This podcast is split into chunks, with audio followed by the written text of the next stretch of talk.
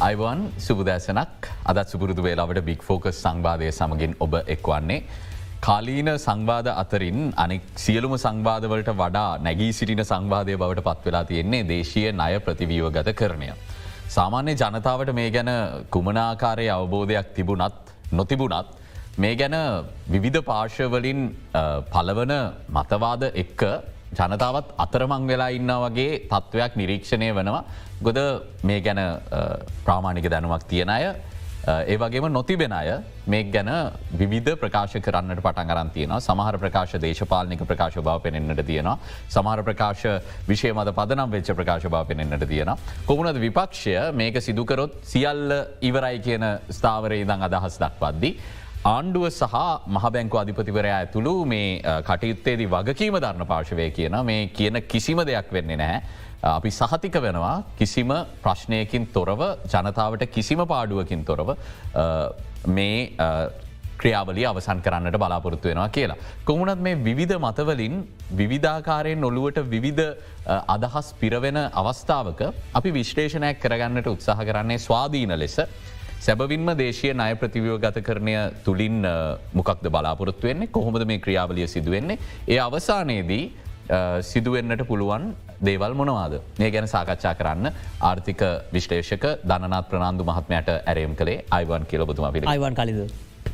මුලින්ම දැන් ප්‍රතිවියෝ ගත කරනේ තමයි මාස ගණනාවක් තිස්සේ අපි මේ ගැන කතා කරදි පාවිච්චිකර වචනය. නමුත් දැන් සතියක්ක පමණ තිස්සේ ප්‍රශස්ත කරණය කිය අලුත් වචනයක් ඇවිල තියෙනවා. මේක සාමනෙන් අර තියෙන බිය අඩු කරලා මේ තියෙන බර අඩු කරන්න ගෙනපු වචනයක්ද නැත්තම් මේ දෙක අතර වෙන සත්තියෙන. මගෙනං අදස දෙකම එකයි. නමුත් අර බිය අඩු කිරීම සඳහාසාර ප්‍රශස්ත කරණයකිවට පස් අපි කියනර හැමෝගෙම ඇඟබේරලා විසඳුමක් ගන්නවා කියන අදහස ලබාදීම සඳහාවිය යුතුයි. මහිතන ප්‍රශස්ත කරණය කියනක පාවිච්චි කල තියෙන්නේ. සහ මෙතන දියර ප්‍රධාන කොටස් දෙකක් ඉන්නවනේ. බාහිර කට්ටියත් ඉන්නවා. නැත්තං සාමාන්‍ය ජනතාවට තේරණ දිරක යොත්තෙම අපි අයාරන්තියනවා විදි දෙකට ඩොලර්වලින් උත්තරන්තියන රුපියල්ලනු තරන්තියන මේ දෙකාතර අපි කන්නේ බැලන්සකක් සයික් කරනවා කියල මේ දෙකාතනය හොඳම ගැලපෙන්න්න හොඳටම ආකාරයට කාටවත් නිකං රිදෙන් ඇතිවෙන්න මැද්දෙන් අපි කරනවා වගේ අදහසක් දෙන්න වියයුතුයි සිංහල භාෂාවේ ප්‍රශස්ත කරණය පාවිච්චි කල තියෙන්නේ ඉංග්‍රීසි භාෂාවෙන් ඔප්ටිමයිසේෂන් කියන වචනත් එක් නමුත් මහිතන මේ කර සාමාන්‍ය මේ නය ප්‍රතිවිහගත කරන භාෂාවේ ශ්‍රීස්ට්‍රක්ෂරිං ඔප්ටිමයිසේෂන් කියන එක දෙකම බොහෝ වෙලාවට මගේ දෙක අතර විශාල වෙනසක් දකින්න නැහැ. නමුත්තර පොඩි පොසිටිව් එකක් දෙන්න තමයි කියලතමයි මට හිත නාත්මක මුහුණුවර මුණුවරත් දෙන්න කරතමයි අවස්ථාව දීරති. කොමුණ දැන් ණය ගැන කතා කරද්දී ණය සඳහා සහනයක් ලබාගන්න නම් එක්කෝ අපි ඒ නය මුදල නොගෙව ඉන්න එක කරගන්න ඕන අපිට නයදුන් පාශව නැත්තන් ඒ එතනින් කොටසක් නොගෙවන්න එක කරගන්න ඕන්. නැත්තම් පොලිය නොගෙවන්න එක කරගන්න නැත්තම් පොලි අඩු කරගන්න එක කරගන්න. නැත්තම් මේ දෙකම ගෙවලා ගෙවන්න තියෙන කාලය දික්කරගන්න අපි කතා කරන්න. දැන් ආණ්ඩුව පාශවය කියන මේ දේශීය ණය ප්‍රතිවියෝ ගත කරණය සිදුවන ක්‍රියාවලිය තුළ ලංකාවේ මහජනතාවට කිසිම පාඩුවක් වන්නේ නෑ බැංකු තැන්පත්කරුවන්ට කිසි පාඩුවක් වන්නේ නෑගෙන සාතික දෙන්න පුළුවන් කියල.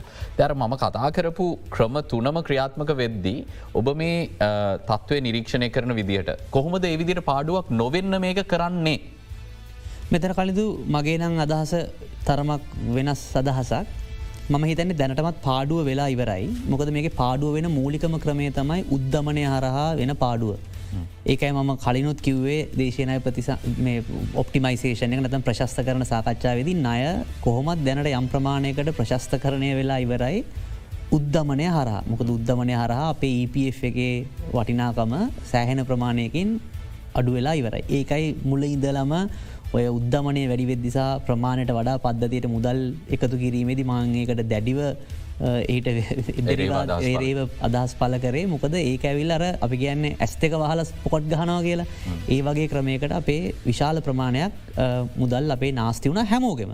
මුදල මූර්ත වටිනාකම අඩුවීම. අඩුවීම හින්ද ආර්ථික භාසාාවෙන් කෙන නමුත් සරලව ඔබේ මගේ EPF එක විතරන්නෙවේ අපේ හැමෝගෙම වත්කම් අඩුවෙලා අපි හැමෝම දුප්පත් වනා ඒ උද්ධමනය හරහා. තව සරලව කියනම් මීට අවුරුදු තුනකට කලින් ලක්ෂයට කරන්න පුළුවන් දේවල් දැන් ලක්ෂයට කරන්න බැහැ ඒ සඳහා ලක්ෂ තුනක්වත් ඕනේ කරන්න. එතකොට EPF එකින් සල්ලි ගත්ත හමත් ඒ කලින් EPF එකින් ගත්තු සල්ලිවලින් දැන් කරන්න පුළුවන් ඒකින් තුනෙ එක. තොට දැනටමත් යම් කිසි ප්‍රමාණයකට මේක ප්‍රශස්ත කරණය හෝ ප්‍රතිවියහ ගත කරනය හෝ වෙලා තියෙන්නේ හැමෝටම. ඒකට උඩින් අපි මේක තවදුරටත් ගත්තොත් එහෙම මේකට බලපෑමක් වෙන්නේ නැහැ කියලා කියන්නේ ඒකත් දැන් තීරණය වෙන්නේ මොකක්ද අපේ උද්ධමන ඉලක්කම කියන එක මත. දැන් මූලික වශයෙන් යෝජනා වෙලා තියෙන්නේ අපේ EPF එකේ සේවක අර්ථසාධකාර මුදල සඳහා සියට නමයක පොලියක් ලබා දෙනවා කියන එක. ඉති ම කලින් කිව්වගේ සියට නමයක පොලිය කියන එක පොලිය අපි නිතරම බලන්න ඕනේ උද්දමනට සාපක්ෂ වේ හට අපි අපේ බරවලන්නේ උසට සාපක්ෂවන මොද චූටිලමේ ගත්තොත් මේලාමගේ බරාඩුයි බරාඩුයි කියන එක තේරුම ඒ පොඩිලමගේ කිලෝ පනහක් තිබෙන ගෙන ප්‍රශ්නය න. මොද පොඩිලමගේ බරවලන්නේ ඒලාමගේ වයසට සහ උසට සාපක්ෂ ඇති ඒ වගේ තමයි පොලිය කියන එක සියට නමය කියන එක වැදගත්වෙන්නේ උද්ධමනයට සාපක්ෂ මොකද උද්ධමනය සියට විස්සට තියෙනවා නම් සියට නමයක පොලියක් කියල කියන්න ඇත්තම අප EPF එක සල්ලි නැවතවරක් සියට එකොළහකින් අඩුවෙනවා කියන එක තම එක තේරුම. එතකොට සියට නමයක උද්ධමනයක් නං පොලියක් නං අපිට අපිට බලාපොරොත්තු වෙන්න දෙනවා කියලා ඉදිරියට. එහෙනම් අවමතරම උද්ධමනය සියට පහකටවත් තබා ගැනීම අනිවාරය මොකද එහෙම නැත්තං ඒක තේරුමක් නෑ. මහබැංකු අධිපතිවරයාගේ ස්ථාවරය අනුව ඔහු කියන්නේ දෙසැම්බර් මාසය වෙද්දී තනි ලක්කමට උදයනවා කියලා. පැදිලි එතකොට ඒදම එතකොට මේක තීරණය වෙන්නේ උද්ධමනය අගේ අනුව. ඒක එක පැත්ත අනි පැත්තෙන් කලින් ම දකින විදියට මෙතනදී අර උසියට නමක පොලියක් ලැබෙනවා කියන උද්දමට සාපක්ෂ බලන්නවගේ මනි පැත්තෙන් අපි බලන්න ඕන මෙතන යම් කිසි දෙයක් අපි ගැන කිසිම හානියක් වෙන්න හැ කියනවට වඩා මෙතනද සිදුවෙන්න අර ලැබෙන්න තියෙන සමහරලාට ලබා ගති හැකිව තිබෙන ලාභයක් අපිට යන්න දෙන්න වෙනවා. එකෙන යම් අවස්ථාවක අපිට හැකියාවක් තියෙනන සියට නමයකට වඩා පොලියක් ලබා ගැනීම සඳහා මේ ෆන්ඩ එකට අපිට ඒකට එහෙම නැතුව අපිට සියන නමයම කාලීනක පවත්වාගෙන තකොට ඔපචනිට ලොස් එකක් වෙන ඔපචනිට ලොස් එකක් තම මෙතනද සිදුවෙන්න. නමුත්තර මහිතන සමහරකට්ටේ කියන මේ දැනට තියෙන ෆන්ඩ එක අඩුවන ම හිතන්න හෙම දෙයක් වෙන කියල. මොකද දැනට තියෙන ඒ හැමෝගේම බැලන්සක ඒ විදිටම තියෙනවා. ඒවගේ සමහරු බයිවල ඉන්න මේ මැචුරට ක්ෂේෂන් එකක් කියලගෙන අපි පෙන් සල්ලි ගන්න ගියාට පස්සේ දැන් කලිදුගේ මගේ සල්ලි ප එක තියෙන අපි දෙන්න විශ්‍රාමගේ අවුදු පනස් පැහගන්න ඇද මේක ගන්න බැරිවේද මැචුරට ක්ෂේෂන් එක කියන අවුදු දහයක් අපිට ඉන්න අවුදු පනස් පනතු හැට පහයන එහෙම එකක් නෑ. ඕන කෙනෙක්ට EPF එකෙන් ඕන වෙලාක සල්ලිගන්න පුළුවන්. මෙතනද තියෙන්නේ මේර ලබා EPF එක අපි යන සල්ලි හැම මාසකම අපෙන් සියට විස්සක් අපෙනවානේ. අපේ ආයත නිදානවා සියට දොලහක් අපේ පඩියෙන් සියට අටක් දාන තොරොයි සියට විස්ස ඒකට ඒකට ලැබෙනවන පොලියක්. ඒක මුදල ඒගොල් ආයෝජනය කල් අපිට සයට නමයක පොලියක් ලැබෙනවා. එතකොට ඒ ලැබෙන පොලිය මුළු ෆන්ඩ කර ලැබෙන පොලිය තමයි යම්කිසි එකන ඒ ලැබෙන පොලියට වඩා වැඩි පොලියක් ලබාගන්න අවස්ථාවක් තිබුණොත් ඒ අඩුවීමක් තමයි සිදුවන කොට සම් කිසිම බලපෑමක් වෙන්න කියන එකට ම සම්පූර්ණයක වෙන්න. ඇකිරින් අර වචන හමාරුවනුවතම පොත් කිසිම බලපෑමක් වෙන්න ඇකින තිබ විදිටම තියන්න තිබුණ කියලා කිවතරි අපි අපෙන් කැපෙන සියට විස්සට හෝ මෙතෙක් අපිට ලැබුණු සියට නමේ පොලියට මුකුත් වෙන්න කියන එක හරි. හරිට හරි. දැනට සිය ලැබෙන සියට නමේ පොලියට හෝ දැනට තියෙන මුදලට කිසිම දෙයක් වෙන නමුත් සියට නමයට වඩා ප්‍රතිලාව ලබා ගැනීමට තිබෙන අවස්ථාව අපිට යන්න දෙන්න සිදුවෙනවා එදයි ඔවුන්ගේ ප්‍රධාන තර්කය තමයි දැනට පහුගේ අවුරුදු ගණනාව බැලුවත් අපිට දර වශයෙන් ලැබිල තියෙන සීර නමයක වගේ පොලියක් කියන ති ඒක සහතික වෙලා තියෙන නමුත් ඒක හරි. ඒක ඉතාම නිවැරදි. ඔබ කිපු වචන තම මහිතන හරිම එක හැබැයි ම නිතරම කියනවගේ ජනතාව මේක බලන්න ඕනේ. උද්ධමනයත් එක්ක බලන්න. මොකද ඒකෙන් තමයි අපේ තීරණය. එක නිසා උද්ධමනය වැඩි වෙනවන ඇත්තම ජනතාව EPF එකට බලපෑම් වෙනවා කියල මේ සල්ලිවලට අත්ත ගහනවට වඩා උද්ධමනය වැඩි වෙදි තම ඔවුන් කලබල වෙන්න ඕන. ඒක තමයි ඇත්තටම අපේ මුදල් ප්‍රමාණය වලට බලපෑමක් ඇතිවන ප්‍රධාන තැන විදිර තමයි මම දකින්න. විශේෂෙන් මේ වන විට අපි දැක්කා අවසාන කාලසීමාවේ බැඳුම්කර සහ බිල්පත් බාණ්ඩාගර බැඳුම්කර බිල්පත් පොලි අනුපාත සෑහෙන් ඉහල ගියා.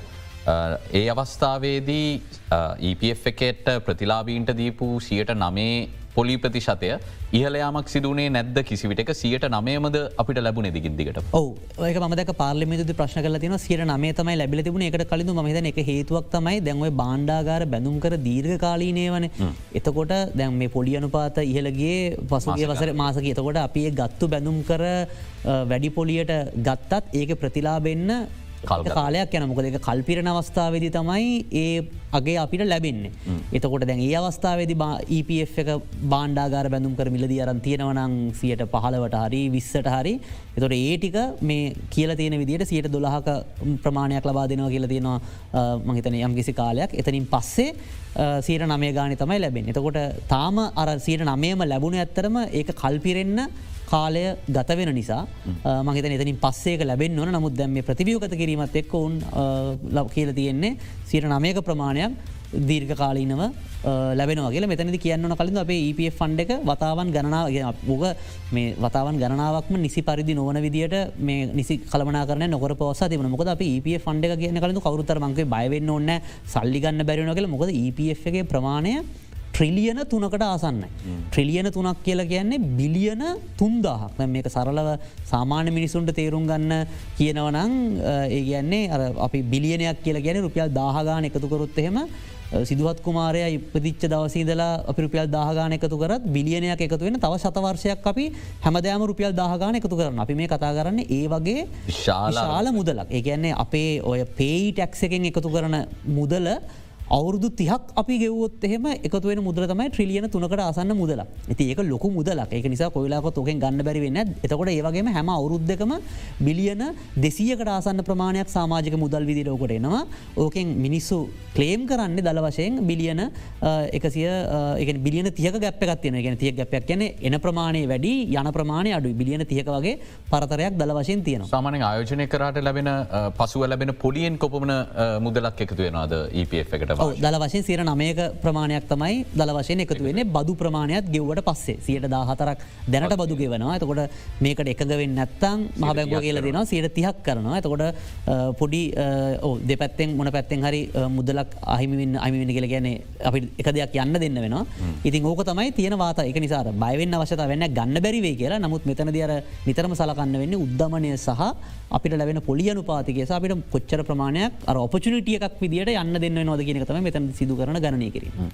ඒවගේම දැන් විපක්ෂය මේ වෙද්දී විධ මත කියනවා. ඒත් එකම EPF එක් ගැන බොහොම බරපතල කතා කියන බයහිතෙන කතා කියනවා දැන් අපි මේ විශේෂඥයෙන් සහ විශ්ලේෂකින් සමඟ සාකච්ඡා කරද්දී කතා කරන දේවල් සහ දේශපාලන වේදිකාවල මාධ්‍ය හමුවල විපක්ෂයෙන් නැහෙන කතා හත් පසිම වෙනස් ඊට වඩා ඉත්තාම ජනතාවගේ හරදස් පන්දනය වැඩි කරන ස්වභාවේ ප්‍රකාශ තමයි නිකුත්වෙන්නේ. යනු මේ EPF එකට අතතියන්න දෙන්න කියන පදනමින් මේ වැඩපිටිවලට පාලිමින්තේ විරුද්ධ වෙන්න තියෙන ඉඩකට වැඩි.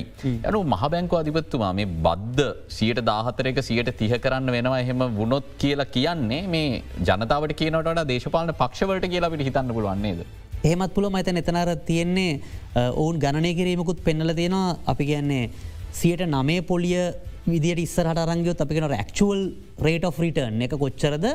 එහෙම නත්තන් සියට තිහ පොලියට ගයොත් ක්ුවල් රේට of රිටර්න කොච්චද යනුව ගත්තර පස්සේ සියට තිහකට මේ බද්ධකට යනවට වඩා ඇත්තරම සියට නමය ගහන ඉස්සරහට යනක වාසී. මොකද ක්ුවල් රිටර්න් එක යම් ප්‍රමාණයකට වැඩි සියට නමේ පොලියට දීර්ඝ කාලීනව ගයොත්තෙම ඇති යනුව උන්නර පොඩ්ඩක් අපි ගැන්න චොයිස්සක ගුද්දීලා තියෙනවා. නමුත් ඕක දේශපාලක්ඥට දීම පනිවිඩයක් වුණත් විය හැකි නමුත් ඔවන් ඔප්ෂන් එකකු දිලතින එකත් එක්තරාකාරයට හොඳ එකන එකම එකට තල්ලු කරනට එක්කො මේක තෝරගන්න. මොකද මේකට විරුද්ධ වන විරුද්ධ වන පුලන් පාලිමෙන්තුවට විතරයි. මොකද මහබැංකුව තමයි සේවකාර්ත සාධකාරමුදලේ බාරකරුව විදිර කටයුතු කරන්න. තුර මහබැංකු අධිපති විරුද්ධ නෑ මේක ප්‍රතිවියෝගත කරනවාට. මුත් විරුද්ධ වනොත් විරුද්ධ වෙන්න අයිතිය තියෙන අපි විසින් පත් කලයපු මහජ නියෝජිතන්ට. ඇතන එක අනිවාරෙන් පාලිමෙන්තු ලක් කරලා කරපු කතාවක් කන්නන කියලා මහිතු ඒකයි. නො ඒ අනිවාරම එසේ විය හැකි. මොකද පාර්ලිමේන්තුර තමයි මුදල් සම්බන්ධ සියලුම බලතල තියෙන්නේ. එතකොට ඒ සඳහා වියහැකි නමුත් මහිතන යම් කිසි කෙනෙක්ට එකට ගැටලුවක් තියෙන මහිතන්න බර බැකප් ඔප්ෂන් එකක් විදිර මොකද පාර්ලිමේන්තුවත් ඒ බදු ප්‍රතිශත කියලදා අනුමතිය ගන්න ඕන. නමුත් එතකොට ප්‍රතිවියෝගත කිරීමකට වඩා එක බදු හලයාමක් විදිට තමයි බොහෝ දෙරට ජනතාවට පෙනෙන්නේ. ඒකයි මර නිතරම කිව්වේ. ප්‍රතිවියෝගත කිරීම අපිට පේන ඇති ක්‍රම තුනකට වෙන එකක් තමයි මමකු වගේ උද්ධමනය දෙවනියක බදු ප්‍රතිශත හරහා. තුන්විනික ඇත්තට මොය කරන්න යන විදිට ප්‍රතිවියෝගත කිරීම. ඉති මේකෙන් ඇත්තරම දැනට ඔප්ෂන්ස් දෙකක් තව ඉතුර වෙල තියනවා. මේක කරන්න ඔන්න ඒකක් තමයි සඳහන් කල තියෙන්නේ.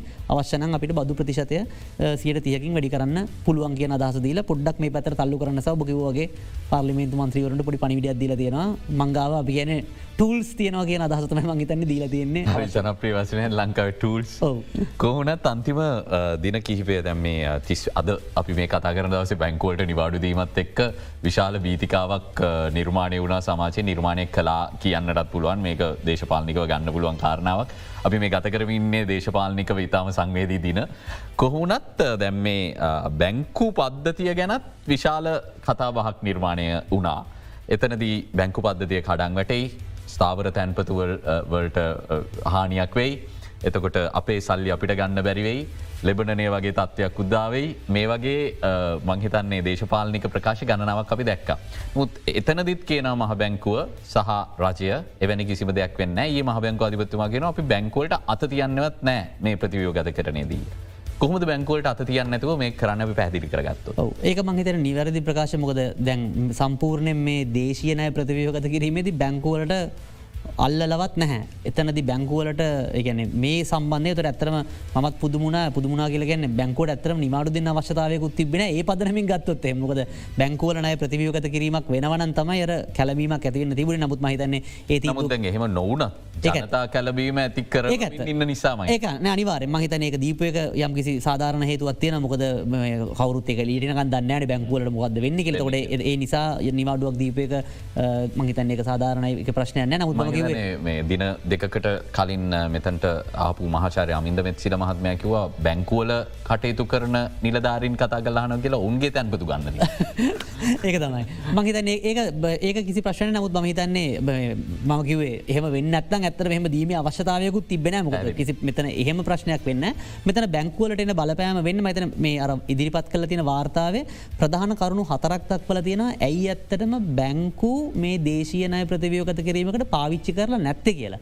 ඒකට ප්‍රධානක හේතුවක් තමයි දැනට ඔය තියෙන ඩොල බොන්ස් නැත්තන් අපි ගත්තු අන්තර්ජාතික ස්වෛරී බැඳුම් කර සහ ශ්‍රී ලංකා ස්වෛරී බැඳුම් කර සාර FBCU එක බැඳුම් කර ඒවා යම් කිසි ප්‍රමාණයක් දැනටමත් දරාගෙන ඉන්නවා ශ්‍රී ලංකාව බැංකු ශේත්‍රය දල වශයෙන් සියට දාහතක වගේ ප්‍රමාණයක් ඒකර ප්‍රසන්ටේෂන් එක දාලම තියෙනවා. එතොට ඒව ප්‍රතිවියෝගත කිරීමක් වෙද්දී බැංකුවලට යම් කිසි බල පීඩනයක් එලවෙනවා. ඒක පලවෙනි හේතුව දෙවනි හේතුව තමයි දැනටමත් අර නය නොගෙවන ලෝන්ස් නත් අපි නන් පෝමින් ලෝන්ස් කියලගෙන කලින්දු මයි ලෝන් එකක් ගත්තත් අපි බැංකෝට ගෙවාගන්න විදික් නැත්තන් ඒකට බැංකෝට බලපෑමක් සිදුවන්න නියමිත ඒක සියට අටේ ඉඳල දැන්සියට දහතුන දක්වා වැඩිවෙල තියෙන තන ට්‍රිලියනයක් තික්මෝපු හිගනය හරියට හරි. ට්‍රිලියන එක දශම පහකට ප්‍රමාණයක් වගේ එම ගැටලුවක් තියෙන තොට ඒක බලපෑමත් බැංකෝලට දරාගන්නනවා ඊට අමතරව බදු හරහත් බැංකෝලට යම්කිසි බලපෑමක් කෙල්ල කල තියෙන කලින් තිබ්බෙ සියට තිස් නමයයි. ඒ කියන්නේ සියට විසි හතරක කෝපරේට් ටැක්ස සමාගම් බද්දයි සියට පහලවක වැඩ් බද්දයි ෆයිනන්ශල් සර්විසස් වලට ගහන වැඩ් බද දැන් ඒක ඊට වඩා වැඩි කල්ලා තියෙනවා. සියට විසි අටයි සියට තිහයි සියට දහටයි විදිට සියට තියක කෝපරේට් ටක් එකකුයි සියට දහටක තවත් බද. ොට සියට හතරි සට එකන ලැබෙන ප්‍රමාණයෙන් සියට හතරි සටකට අසන්න ප්‍රමාණය බදු විදිර ගන ඒකත් එක හේතුවක් බැංකුවලට අත තියන් නැතිවන්න අනි පැත්තෙන් අපි කියනවා මේ බැංකුවල ගෙන ස්ථාවර මොද බැංකුවල ඉන්න ගිනුම් හිමියන් මිලියන පනස් හතක්. එතකොට ඔවුන්ට සමාජ කොස්්ටක පැත්තෙන් ගත්තොත් එහෙම ඒකත් වැඩීති ඒ නිසා තමයි ඔවන් සාධාරණය කරන කරතින මේක බැංකු අල්ලන්නවත් නෑ කියලා. ඉතින් ඒක නිසා බැංකුවලට මංහිතන්න කිසිම ප්‍රශ්නයක් කනවා කියල. මේක කවරුහරි දැන් මේක මෙහම කිව්වත් ම මේ ප්‍රශ්න දිගට මහන්නේ විද්වතුන්ගෙන් විශ්ලේෂකන්ගෙන් ජනතාවට පනිවිඩයක් දෙන්න ඔන්න නිසා. පුද මේ වෙලාවේ අපි දකිනවා තුන්ගනි පන්තේ දේශපාලනය යළිත් වතාවක්. දැන් මහ බැංකු අධිපත්තුවා මේක තාක්ෂණිකව විස්තර කරට පස්සෙත් රාත්‍රියයට දේශපාලනජීන් සඳහන් කරන මේක කිවට ඔය කියනව නෙමේ වෙන්නේ අනිවාරෙන් බැංකුවලට කෞද කියන බැංකුවලට වදින්නෑ කියලා කියලා. එක පැහැදිලි කරගන්න ඕනෙ නිසා මං මේ අහන්නේ කවුරු හරි තමන්ගේ තැන්පතු හෝ ස්ථාවර තැන්පතු ගැන බයවෙන්න ඕනෙද මේ ක්‍රියාවලියත් එක්ක. නෑමන හිතන්න බයවෙන්න ඕන කියලා ඇතරම මේ ක්‍රියාවලි නිසා බැංකුවල ලාභය ලබන පාර සෑහෙන්න වැඩි වෙනවා. මොකදකට හේතුව තමයි දැන් අර පොලියසියට විස්සට විසි හතරට තියෙද්දි බැංකු ඇත්තරම සෑහෙන්න බාණ්ඩාගර බැඳුම් කර ප්‍රමාණයක් මිලදී ගත්තා. දැන් එතකොට ඔවුන්ගේ ඇවිල්ල බාණ්ඩාගාර බැදුම් කර රීස්ට්‍රක්ෂවෙන් නැතිවුණාම සාමාන්‍ය පොලි අඩු වනාට බැංකුවලට ඒ සඳහා විශාල පොලියක් ගෙවන්න වෙනවා. තකොට ඔවුන්ගේ ප්‍රොෆිටබිලිටියක ඇත්තරම ලාබ ලබා ගැනීමේ හැකියාව වැඩි වෙන ඇත්තරම මගේ පැත්තෙන් අවද්ගලික ම හිතු ඇත්තරම බැංකුවලට යම්කිසි බරදරා ගැනීමක් සිදු කරන්න වෙයි කියලා. නමුත් ඔවුන් එකම කල නැතිනිසා බැංකුවල ප්‍රෆිටබිලිටිය අපට බලාගන්න පුලන් ඉතුර අවරුදු දෙකතුනේද තිබට වඩ වැඩි වෙන ති හ බැංකු මතන බලාපොරත්වන රයිස්බ වලින් බැංකුවල බැංකුවලට සිදුවන. ඔව ඒකත් එක් මේ පොෆිට බිලිටි එකත් එක මේක සමබර කරන්න හැකිවේ කියලා. මහිත නෝක තවත් බලාගන්න පුළුවන්. බොහෝ වෙලාවට සඳුද නගහරුවද දීනති කොටස් වෙලඳ පොල විවෘත කරට පස්සේ බැංකුවල කොටස් ගන්න කොච්චර පිරිසක් පෙළබෙනවද කියන එක මත මංහිතන තවදුරටත් බලාගන්න පුළුවන්. මොකද කවරේ වැඩිපුර කොටස් මිලදීගන්න බැංකු සම්බන්ධ විශ්වාසය වැඩි වර්ධන වුණා. ඉතින් ඒ අනු අපිට බලාගන්න පුළුව මොකක්ද වෙන්න කියලා. අඟහරුවාද දිනේදී. නමුත් මොකද බැංකු වලට අතැබීම ඇත්තරම සිදුවලන නිසා මහිතන්න ඩිපොසිට් ලබා ගැනීම අවශ්‍යතාව ඇතින කළ වගේ මර ස්වෛරී බැඳුම් කරවල සහ ස්වය- අපි ගැන එස්සෙල් ඩීබස් වල අ, ද- ශ්‍රී ලංකා අ, ස- සවරින් බොන්ස් වල අ, සඳහා ඒක කොහොමත් බැංකු කාලයක් තිස්සේ ලෑස්ති වේගෙනාව ඒක තමයි අර මහ බැංකෝ පොලිය අඩු කරත් බැංකුවල පොලි අඩු කරන්න ඇතුව වැඩි පොලියක්ම තියාගෙන හිටියේ අර තියෙන අවදානම් අ, තත්ත්වය සමනය වෙනකම් ඉතින් දැන් බලාපොරොත්තු වෙන්න පුළුවන් ගොඩක් වෙලාවට මේ නයි ප්‍රතිවකතකර මිස්රහට අපි බලමු අඟහරුව සඳ වෙදදි මොකද වෙන්න කළ ඒ අනුව මේක ප්‍රශ්නය විසිදුනට පස්සේ අනිවාරයම පොලි අනුපාත මංහිතන්නේ අ, සැලකියුදු ප්‍රමාණයකින් අඩුවී යුතුයි ගෙනක තමයි බැංකු මගේ පොලි අනුපාත. බැංකු පොලි අනුපාත තකොට තැපත්කරුවන්ගේ පොලි අනුපාතත් අඩුවෙනවා එකන ඒක පටලවගන්න හොඳන ඒක තේරුම දැන් කවර ෆික්ි පොසිට් එකක් දාලා තියෙනවනම් අවුරුදු දෙකට ඒගොල්ලොන්ගේ පොලි අඩුවනවා කියන එක නෙවෙයි මේ කියන්නේ. ගොල්ලොන්ගේ බැංකු විසුමත් එක් තියන ෆික්ි පොසිට් එක ගාන විදිටම ඉස්සරහට යනවයි බැංකු විසුමත් එක් අලුතෙන් එකක් දාන අලුතෙන් එකක් දානවනම් ඒක පොලි අනුපාතිකය ඒ සාමාන්‍යද බැංකුල පොලි අනුපාති අඩු වැඩි වෙද්දී ඒක වෙන්නෙත් අප ඒකත් කත කරන මේ ණය ප්‍රතිවියූ ගත කරනය ප්‍රතිඵලයක් විදිට නෙමෙයි උද්ධමනය අඩුවීම සහ සෙසු සාධකවල ප්‍රතිඵල. ඔව්, උද්ධමනය අඩුවීම හැබැයි නය ප්‍රතිවියෝගත කිරීම එක හේතුවක් පොලි අනුපාත ඉක්මට අඩුවේ විශ්වාසය තහුරු විශ්වාස තහවරුවෙනත් එක මොකද දැන්වයි පොලි අනුපාත වැඩිවෙල තියෙන්නේ කාටවත් විශ්වාසය අවිනිශ්චිතභාවය. අවිනිශ්ිත භාව නිසා දැන්ගතකොට දේශයනය ප්‍රතිවියෝගත කිරීමත් එක් අවිනිශ්ිත භාවය මගෑරනවත් එක්කම පොලි අනුපාත අනිවාරෙන්ම සාමාන්‍ය තකට අවිනිශ්ිත වන්නව බැංකුලට එච්චර පොලියක් අය කරන්න අවශ්‍යත වැන මොක දැන් ඔවුන් දන්න ඔන්න මේ නාය ප්‍රතිවියෝගත කිරීමෙන් ඉවත් කල තියෙන්නේ කළ තකොට උන්ට පොලිය තව පල්ලහට අරගෙන එන්න පුළුවන්. එතකොට මහ බැංකුවේ ප්‍රතිපත්ති පොලි අනුපාතිකයි බැංකෝල පොලි අනුපාතිකය අතර වෙනස එච්චර දැන්ව තියෙන තර ලොකු වෙනසක් වෙන එකක් නෑකෙන් එනක තමයි අ, සාමාන්‍යයෙන් සිදුවීමට අ, අපේක්ෂා කරන්නේ. මහිතන සරලව පැහැදිලුනා සහ ජනතාව බලාගෙනන්න අප ප්‍රේක්ෂකයන් විශ්වාසයක් තහුරුවන්නට ඇති. කොහුණ ජනාධිපත්තුමා කියන සැප්තැම්බර් මාසය ඉවර වෙද්දි මේ ක්‍රියාවලට සහයෝග සිරුම් දෙෙනගෙන් ලැබෙනවනම් සැප්තැම්බර් මාස ඉවර වෙද්දි මේ බංකොලොත් භාවය අවසන් කරන්න පුළුවන් අපිට එකඟ වෙන්න පුළුවන් අයමියන් එක කොහොමද නය අලිත් ගෙවන්න කියලා. එක ප්‍රායෝගික ප්‍රකාශයක් විදිට ඔබ දකිනවාද. ඒක තීරණය වෙන්න ඇත්තරම දැනටමත් ඔය අන්තර්ජාතික බැඳුම් කර හිමියන් සහ විදේශය නයිහිමියන් එක්ක නැත රට රටවල් එක්ක මොන වගේ ප්‍රමාණයකට මේක එකඟ වෙලා තියෙනවද කියන එක මත. මේ දේශය අය ප්‍රතිවියෝකත කිරීම පිළිබඳව ඕන් යම්කිසි එකගතාවයකට ඇවිල්ල තියෙනවන ගෙන උන් පොඩක් ඉන්ඩිකේට් සාමානයකට මුට්ටිය දාල බලන කළ ගෙන මේ ඩෙට්‍රී ්‍රක්ෂරෙන් අරගන්න කලින් බොන්ඩෝල්ලස් ලකින් හල බලන අපි මෙච්චරණය ප්‍රමාණයක් දේශය පැත්තෙන් තල්ලු කරගත්තොත් ඕගොල්ලු කැමතිද? මේකම සඳහන් කල තියෙන විදිරට සියට තිහක ඕගොලොගේ ණය ප්‍රමාණය අඩු කරගන්න කැමති කියලට ඔන්න එකට ඉන්ඩිකේෂන් එකක් දීල තියෙනවන මේක එකඟ වුණොත් එහෙම එතකොට වංහිතන මේ ජුනිමාසයන්තිම ජූලිය ගෝසු සැප්තැම්බර් වෙදී යම්කිසි ප්‍රමාණයකට ඒක කරගන්න පුළුවන් අවස්ථාවත් තියෙන නමුත් එක තීරණය වෙන ඔවුන් මෙතනින් එකන මේක අරං ගියාට පස්සේ සමහර අවස්ථා තියෙන ඔවුනුත් මේක ආනයක මදී එහෙම කියලා වට දෙකතුනක් මේක යන්න වෙන අවස්ථාව කරන්න. ඒවල් කරන්න පුලන් එහෙම නොනොත් එහෙම මංහිතන්නේ සැප්තම්බර ක්තෝබරද මේ කරගන්න පුල අපිට කරගැනීම අවශ්‍යතාවයකුත්තියන මොකද නැත්තඟ අන්තර්ජාතික මුල්ලර මුදලේ ඊළඟ කොට අපිට ලබාගන්න බෑ. ඒකත් වැදගත්. මොකද එතකොට තමයි කොටස ලැබෙනවා කියන එකෙන් අර ආයෝජකයන්ට සහ ගෝලිය වෙළඳ පොලට අපි පොඩි සංඥාවත් දෙනවා. අ, මේක අ, අපි මේ ප්‍රතිසංස් කරන මාවතේ ඉස්සරහට යනවා කියලා. පිමින් යනවා කියලා. අනිත්තක අපිට දේශයනය ගැන කතා කරද්දී ඉලක්කම් කතා කරන්න පුල මේ වෙද්දී කොපමන දේශය නය සංඛ්‍යාවක් තියෙනවාද? සහ මේ ප්‍රතිවියව ගත කරනය තුළින් සංඛ්‍යාත්මකව කොච්චර ප්‍රමාණයකින් නිදහස් වෙන් අපි බලාපොරොත්තු වෙනවාද කියලා. ඔව මෙතන අපි සරල සාමාන්‍ය ජනතාවට තේරන විදිට ගත්තොත් කලු අපි සාමාන්‍යෙන් නයගන්නවන ක්‍රම දෙක අපි එදිනිදා ගත්තත් එකක් තමයි අර සමහල්ලාට මාසකට වෙඩින් දෙකතුනක් එහෙම ඇවිල්ල පඩිය රෝල් කරගන්න බැරුණ අපිට අක්ගාල යාලුවට කතා කලගෙන අනේ මේ පඩි හම්බෙනකම් මට රුපියල් දහදාත් දෙන්න පන්දහත් දෙන්න කියලා කෙටිකාලිනව නයගන්න. ඒක තමයි බාණ්ඩාගාර බිල් පත් කියල ගැන කියන කෙටිකාලිනව අවුරුද්ධකට අඩුවෙන් ගෙවන්න මූලික වශයෙන් නායගන්න දෙහෙම නායගන්න ප්‍රධාන කෙනා තමයි ශ්‍රී ලංකාවේ රජය. එයා තමයි උපරිමේට මේක නෑරන්තින ති එහෙම ගත්තු අය දල වශයෙන් තියෙනවා. ට්‍රිලියන හතරකට ආසන්න ප්‍රමාණයක් ඒ බාණ්ඩාගාර බිල් පත් විදියට ගත්තු නය. ඊට පස්ස අපිටික් කර ලොකුණය ගන්නවා. ගැන්න තමන්ගේම මංගල උත්සවයනම් ගයක් හදනවනම් කාටරි විශ්වාසවන්තම යාළුවෙට්ට කියලා ටික දීර්ඝ කාලින නායගන්න පුළුවන්. මේ මගේ හදනවා මට ලක්ෂයක් ඕනේ කහමාරක් ඕනේ මේ බාතරුම් එක හදන්න අවශ්‍යයි. හෙම කියලා ටිකක් දීර්ඝ කාලනය ගන්න. ඕටතමයිගෙන බාණ්ඩාගාර බැදුම් කර කියලා. ගෙන අවුරුද්ධට වඩා වැඩිය අවුරුදු දෙකට තුනට පහට දහයට ගන්න නය. ඉති එහෙම ගත්තු නය තියෙනවා දල වශයෙන් මගේ මතක නිවරදන ට්‍රිලියන අටකට ආසන්න ප්‍රමාණයක්. එතකොට මේ ට්‍රිලියන හතරෙන් බාණ්ඩාගර විල්පත් කෙටිකාලිනවර මාසරෝල් කරගන්න ගත්තුවකින් සියට හැටකට ආසන්න ප්‍රමාණයක් තියෙනවා. ශ්‍රී ලංකා මහ බැංකුව සතුව. හැට දෙකක් තියන කියල හට දෙක හරට සිට හට දෙක් සිට හතර කසර ප්‍රමාණයක් තියෙන ශ්‍රී ලංකාවේ මහ බැංකුව සතුව. එතකට ඔවුන් කියලා තියෙනවා ඒක ප්‍රති සංවිධානය කරනවා. ඒක බාණ්ඩාගාර බැඳුම් කරයක් බවට පත් කරනවා කියලා දීර්ඝ කාලීනව ගෙවන්න පුළුවන් විදිර හදාගන්නවාර දෙවනි නය ප්‍රශස්ත කරන ක්‍රියාවලියේදී ඒගේ ඇතුළෙන් වෙන ගේ ඇතුළෙම වෙන එකක්. දැන් එතකොට ඇවිල්ල මහවැංකුව තමයි ඒ ප්‍රතිසංවිධානය කරන්න.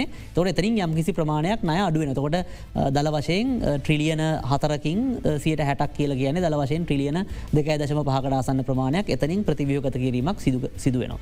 ඊට පස්සේ ඔය බාණ්ඩාගාර බැදුම් කරවල තමයි ඔය ප්‍රධාන තර්කයාවේ එතකොට සියට ආසන්න වශයෙන් සියට හතලියකට ආසන්න ප්‍රමාණයක් තිබුණ බැංකු සතුව දැන් ඒකට අත තියන්න. කොට ඒගොල සම්පූර්ණ මේ ප්‍රශ්නය එලඉන්න ඊට පස්සේ තියෙන්නේ EPF එකසා ETF කරගෙන තමයි තියන්නේ. ඉතුරු සියට හතලියකට ආසන්න ප්‍රමාණයක්. තොට ඒකෙත් අර එතකොට ඉතුරු සියට විස ප්‍රයිමරි ඩීලස් ගත්තේව ඉතුරු සියට විස ප්‍රයිමල ඩීඩසසා වෙනත් පිරිස් ගත්තු එතකොට ඔවුන්ට මේකට අයිතිවෙන්න සිද්ධ වෙන ප්‍රයිමරි ඩීලස්ට ගත්ත බොන්ස් රීස්ට්‍රක්ෂ කිරීමකට ලක් වෙනවා.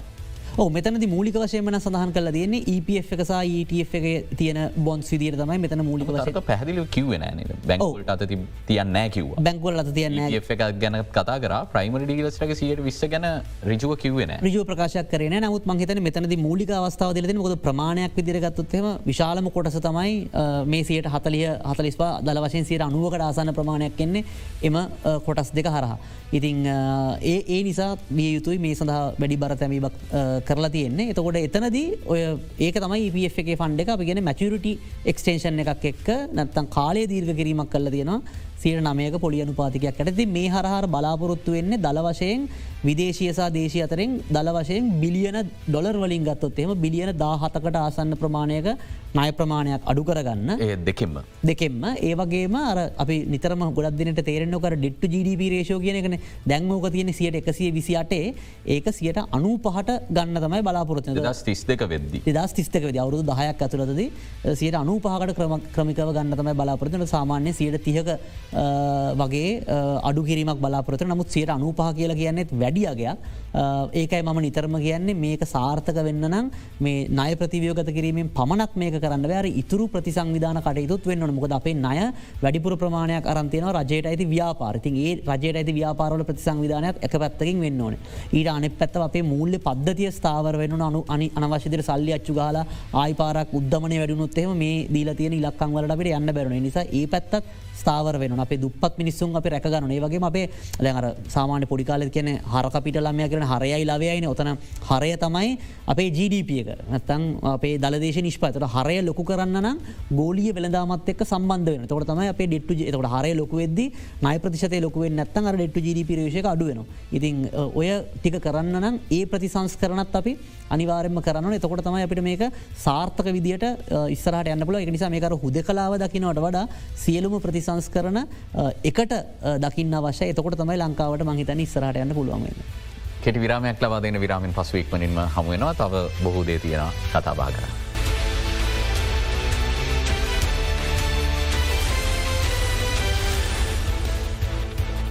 ආර්ථික විශ්ලේෂක ධනත් ප්‍රනාාන්දු මහත්ම ඇත්තක සාකච්ඡා කරමින් සිරිනේ දේශය ණය ප්‍රතිවිවගත කරණය සම්බන්ධයෙන් තියෙන මතවාද සහ යථාර්ථවාදී විශ්ලේෂණයක් අතර තියෙන වෙනස තේරුම් ගන්නට අපිට හැකියාව ලැබුණ පලවෙනි සාකච්ඡාව පලවෙනි වටය තුළ. දැන් අපි පලවෙනි වටේද ම අවසන් කරපු තැනින් මං යලි ප්‍රශ්නයක් හන කැමති මං කතා කර ප්‍රාථමික අල්විකරුවන් ගැන බැදුම් කර වෙළඳ පොලේ. අපි හරිටම දත්වලට යනවනම් ප්‍රතිශතයක් විදියට කොපමන පිරිසක්ද ඉන්නේ ප්‍රාථමික අල්විකරුවන්. කලතු අපි විරාමේදි මගේ දත්තටික අපි අදලගත්තා මේ මහ බැංකුවම ඉදිරිපත් කරපු වාර්තාවතම මං උපුටාගන්නේ මාර්තු මාසේදි සියලුම බැඳුම් කරමියන්ට.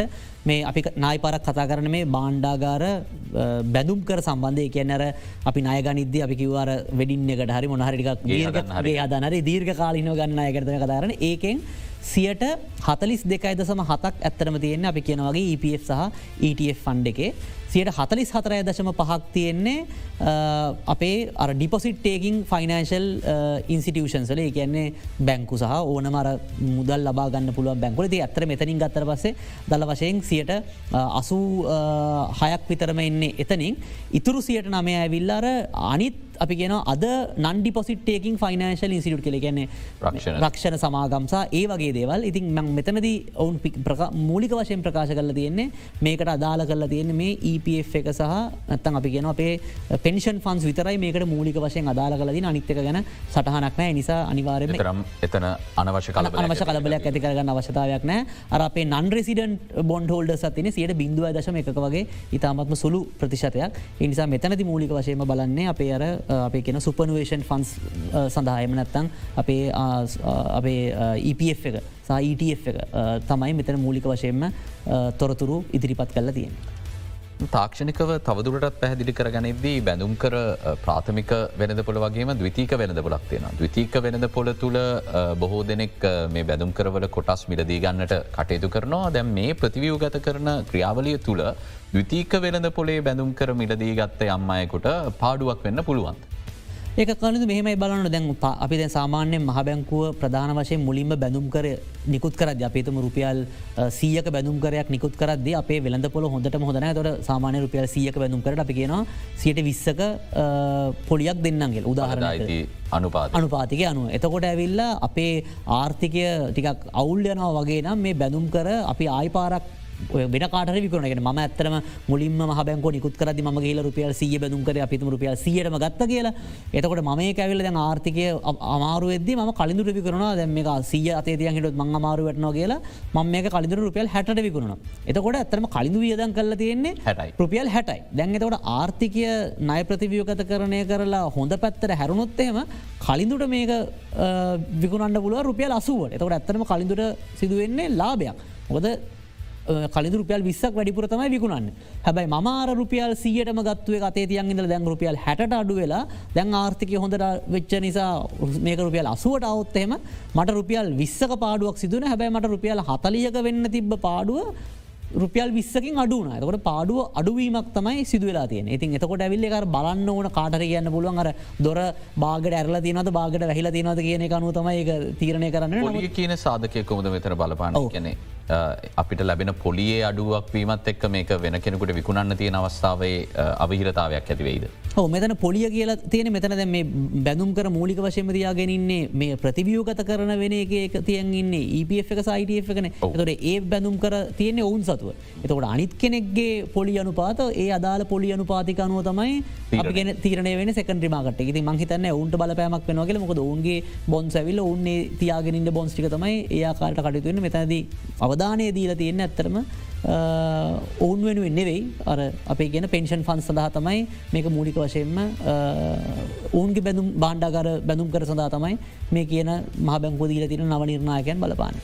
හොදයි මහිතන් ණය ප්‍රතිවියෝගත කරණය ගැන අපිට පැහැදිලි කරගන්න පුළුවන් වුණා. සවිස්තරාත්මකව මේ තියෙන මූලික මතවාද සහ ප්‍රශ්නවලට තමයි අපි උත්තර ලබාගන්න ඕනේ. එතකට මේක ඉතාම දැවන්ත තාක්ෂණක ක්‍රියාවලයක් මේක මහිතන හැම අස්සක් මුල්ලකටම රිංගන්න ගියොත් අපිට එක කරන්න අමාරුවඒක ආර්ථික පිළිබඳව ප්‍රමාණික දැනුමක් තියෙනයට වැටෙන දෙයක්. මේක වැඩිපුර කියවන්න ගියත් අපිට පැටලෙන්න්නට තියෙන ඉට වැඩි නිසා මඟර මූලික වශයෙන් තියෙන මතවාද ටිකට ඔබෙන් ප්‍රතිචාරය ලබ ලබගත එතනින් එන්න මං කැමති අස්වැසුමට. ද අනිත් කාලීන වශයෙන් බොහෝ කතා බහක් ඇතිවෙලා තියෙන මාතෘකාව. ඔබත් බොහෝ කාලයක් තිස්සේ මේ සමාජ ආරක්ෂණ ජාලය ගැන කතා කර නිවරදිලසි ලක්ක ගත කිරීමේ වැදගත්කම ගැන කතා කර.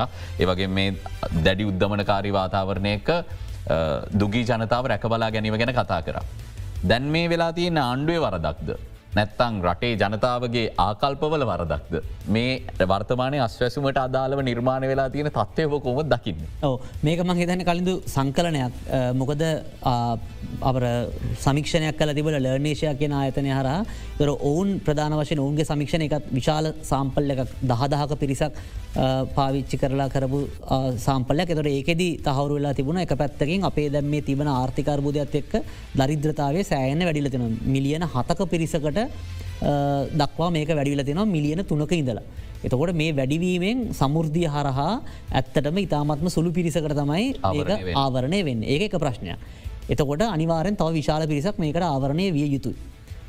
දෙවනි පැත්ත තමයි සමුෘද්ධිය අරාපේ ධනවත්ම සියට දහයක පිරිසගත්තොත් එම ඒකෙනුත් සාමාන්‍යෙන් සැලකයුතු පිරිසකට සමුෘදිය ගිහිල්ල තියෙන තකොට මේ දෙක අඩු කරන්න එපයි අනවශ්‍ය කට්ටියට ලැබෙන අඩු කරන්නත් ඕනේ. අවශ්‍ය කට්ටියට ලැබෙන එක වැඩි කරන්නත් ඕන. ඉතින් මෙතන දියවිල් අර තෝරා ගැනීමේ නිර්ණයකවලදී ඉතින් අර ජනතාවට යම්කිසි සමහර ලැබිය යුතු කියල හිතන කට්ටියට ලැබෙන්නෑ සහ වැරදියට ලැවිච්ච කට්ටියට නොලැබී යාමේදී මංහිතන යම්කිසි සමාජ විරෝධය ප්‍රශ්නයක් ඇතිවන ඇතරම අපි නං ඒකට මුලින්ම මගේ අදහස තිබුණ ඕකවිල්ලා අර තුන්වැනි පාර්ශවයක් කර මේක වැලිඩේට් කරන්න කළ මොකද ඒ සමික්ෂණයේදී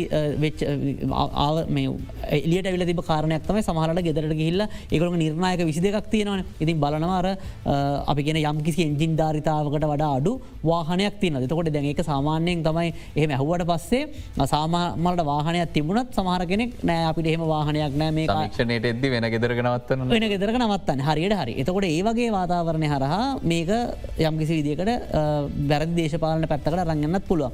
නමුත් පැහැදිලි එකක් තේරෙනවා. අපේ සමාජ ඔය තියෙන සමාජාරක්ෂණ දලෙන් දුප්පත්කමට වැටිච්ච හැමෝංගම ආවරණය වෙන්නේ නැහැ. සුළු ප්‍රමාණයක් තම ආවරණ වෙන ම හිතන ඒකයි අවශ්‍යතාව තියෙන්නේ. මේක පුළුල් කිරීම සඳ අවශ්‍යතාවයක් තින නමුත් පුළුල් කිරීමේදී අර ගැටලුව තියෙන්නේ අපේ මේකට එන කට්ටිය එලියට යන්න ක්‍රමවේදකුත් හදලයි මේක කරන්න ඕන. එහෙම නැත්තං වෙන්නේ එන කට්ටිය කවදාවත් යන දැන් ඒ සමික්ෂණය ඔප්පුල තිබ දෙයක් තමයි සමුෘදියර එන කට්ටියගෙන් එලියට යන්න අවුරදු ගානකට පස්සෙත් සියට දාහතක වගේ ප්‍රමාණයක්. නමුත් ලෝක අපි ලතින් අමරිකාව රටවල ගත් සියට තිය සියට හතලිය සියට පනා එලියට මොකද මේ ඇවිල්ල මේ තාවකාලික අපිට දුප්පත්කමින් එලියට දෙන්න එන සහනයක් විතර සංක්‍රාන්ති සමයේදී දෙන එක. හරියට හරි. කාට හරි ආදිසිරි ආබාධිත කෙනෙක් ඉන්නවන දීර්ඝ කාලිනව ප්‍රශ්නකට මුණ පාප බලන්න වෙන ඒක වෙනම ප්‍රශ්නයක්. නමුත් වැඩිපුර පිරිසක් ඉන්න ඉක්මට මේකින් එලියට එන්න පුළුවන් වුණත් මේකෙම දීර්ඝ කාලිනව රැඳිල තියෙන පෝෂණය වෙනවා. හරියට හරි. දුප්පත්කම වැඩි වෙන හේතුවක්. හේතුවක් වෙන ඇති ඒක නිසා ම හිතන්න ඒක සමාලෝචනය කරන්න අවශ්‍ය නමුත් එතන දර තෝරගන නිර්ණයකය තමයි වඩා වැදගත්තන ඉතින් එතනද ඇත්තරම එක යෝජනාවකාර විදුලි බිලේ ඒක ගාන අනුව විතරක් තීරණය කරන්න කියලා. ඔය ලෝක බැංකුව සාකච්ඡාවතිල මටත් එකට ආරාධන කර. ඉතින් ඒ යෝජනාවද ඔවුන් ප්‍රකාශ කරපක තමයි තනි නිර්ණයකයක් මත යනයකට වඩා අපි නිර්ණයක කිහිපයක් මත යනයක ගලපෙනවා කියලා. ඔතන දෙද යෝජනාවන අරපියන ජියෝ ටැකින් වගේ දෙයක් කරන එක ගෙදරකට ගිහිල්ලා මේක බලනවනම් අපි ජියෝ ටැක් කරනවා මේ පවල කොතන ඉන්න තකොට ඔවුන් ඇවිල්ල මේකින් එලියට එද්දි අපිට මේක පැදිලිව හඳුනගන්න පුළුව මොන විදිරද වෙන්න සහ හදිසි ස්වභාවික විපතක් වගේ දෙයක් වුණත් අපිට ඔන්න හඳුනගන්න පුලන් ඒවගේ ක්‍රමවේද ගොඩක් පිළිබඳව සාකච්ඡාවන නමුත් මහිතන මේකර පොඩ්ඩක් පරිනාවීමේ වශයෙන් සිදුවන ක්‍රියාවලයගේ ගෙන එක පාරටම අපිට හරිම ටාගටිංක කොහොමත් කරන්න බෑ. මේකර ඩේට සිිස්ටම්මයක් හැදෙන් වනත් පොඩ්ඩක්ේ ඩේට එක පොඩ්ඩ මේක හැම අවුරුද්ධම රිවීව කරනවා කියලා තමයි කියන්නේ ප්‍රතිලා ඒම තමයි සඳහන් කල මොක තකට අඳුනගන්න පුළුවන් කවද දුපත්කමින් එලියටාවේ කවද තවදුරට දුපත්කමට වැරන ොට අපිට අවෝදයක්න අත්තරම අපේ දුපත්කම අඩුවෙනවාද වැඩිවෙනවාද කියලා ඉතින් ඒ තත්ේ තමයි ම හිතන්නේ ඒක නිවරදි ක්‍රමයක් නමුත් මේක තාක්ෂණිකම වශයෙන් ඉක්මට කරන්න පුළුවන් ක්‍රමයක් තිබුණනම් තවත් අපඒක දියුණු කරගන්න එතන තමයිර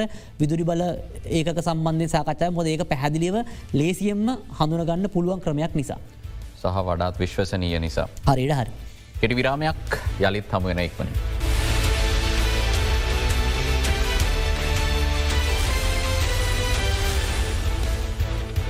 ආර්ථික විශ්ලේෂක ධනත් ප්‍රනාාන්දු මහත්ම ඇතක සාකච්ඡ කරන්නේ බික් ෆෝකස් සංවාදයේදී අද.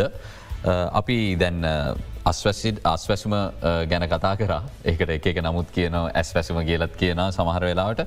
එතන දිත් ලංකාවේ දේශපාලනය තියෙන ඉතාම අඳුරු පැතිකටක් එලියට ආව කියල තමයි අපි දැක්කේ. හේතුව සමුෘදි නිලධාරින් සමුෘදි සංවර්ධ නිලධාරින් මේ අය සමීක්ෂණයෙන් වැලකීටිය බහුතරයක්.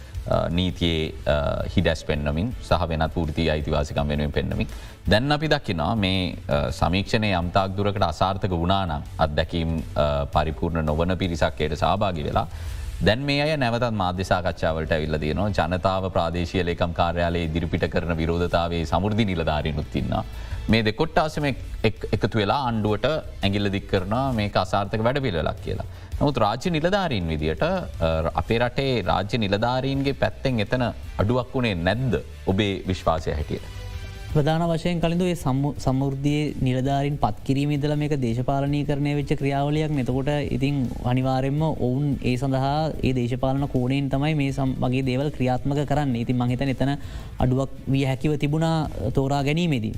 මොකද සමහර අවස්ථාවලදී ඒ දේශපාලන කඳවරට පක්ෂපාති වෙන විදිට සහ ආකාරට තමයි මේ ක්‍රියාපටිපාට සිදුවන්නේ ඉතින් ඒක නිසා සමහර වෙලාට වෙන්න නමුත් මෙතනද අපි අවබෝධ කරගණ්ඩෝන අපේ සමාජාරක්ෂණ දැල ශක්තිමත් කර ගැනීම අපි අනිවාරය මේක තින් අඩුපාඩුටික හදාගෙන මොකද සමාජාරක්ෂණ දලක් කියලා කියන්නේ මේ හැමෝටම කියක් හරි සල්ලි ලබෙන ක්‍රමයක් නෙේ මේ ඇවිල්ල. මේ අමාරුම මිනිස්සුන්ට මුදලක් අපි කියන්නේ ඔවුන්ට නහය වතුරට උඩින් තියාගන්න ලබා දෙන යම් කිසි අපි කියන්නේ පොඩි අත්තු දව්වක් විතරයි. එහෙම. සමාජාරක්ෂණ ජාලය දේශපාලනයෙන් විතැන් කල්ලා මේක නිවැරදිම දිශානතයකට යවාගන්න තාක්ෂණය කෝමද භාවිත කරන්න හැකිවතින් මොක ලංකාවගේ රටක මේක මානව දායකත්වයෙන් කරද්දී පෙනෙන්න්නට නෑ දේශපාලනය ඉවත් කරන්න පුලන් කිසිම් විදියක් මේ අවසාන වතාවදිත් අපි දැක්ක විදිට.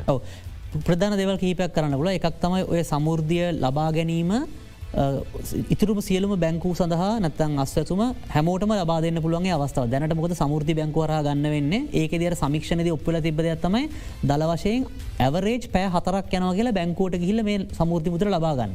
සමහර අවස්ථාවලද පැයකින් ගන්න පුල සමහර අවස්ථාවල පැත් දොලා හිටපු අවස්ථාත් තිබුණ තකොට එක බැංකුවක් කරහමයක වුණාම කරදරයි.